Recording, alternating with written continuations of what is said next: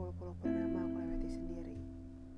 Selama itu pula aku sibuk untuk terus kembali menata hidup, mencoba berjalan, walau derap kerap disapu debu jalanan. Memungut puing-puing tajam di hatiku sendiri, membangun fondasi agar hati mau membukakan pintunya lagi. Setiap aku merasa siap, pikiranku kembali mengulas lagi tentang hal buruk yang telah aku lewati. Dan seketika itu juga aku kembali menjadi seorang pengecut yang begitu takut untuk melangkah di tempat yang baru.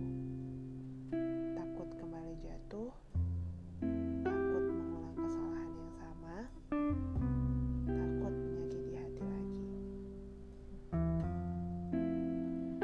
Malam ini aku tak sengaja kembali mengenangmu tentang bagaimana kita pernah duduk berdua di satu malam, membicarakan apa saja, menceritakan semuanya.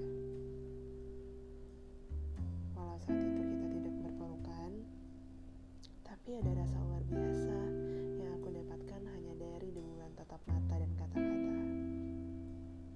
Ku merindukanmu. Dan aku tidak tahu apakah aku bisa mencintai orang lain sebesar aku mencintaimu. Dan itu benar-benar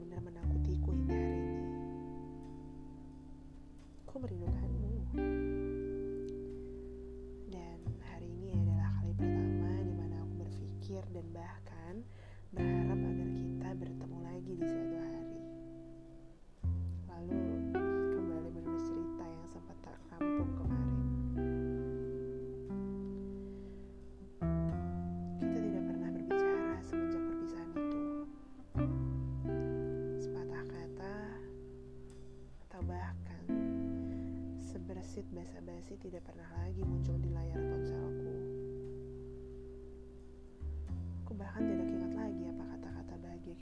Kali sebelum kemudian perpisahan.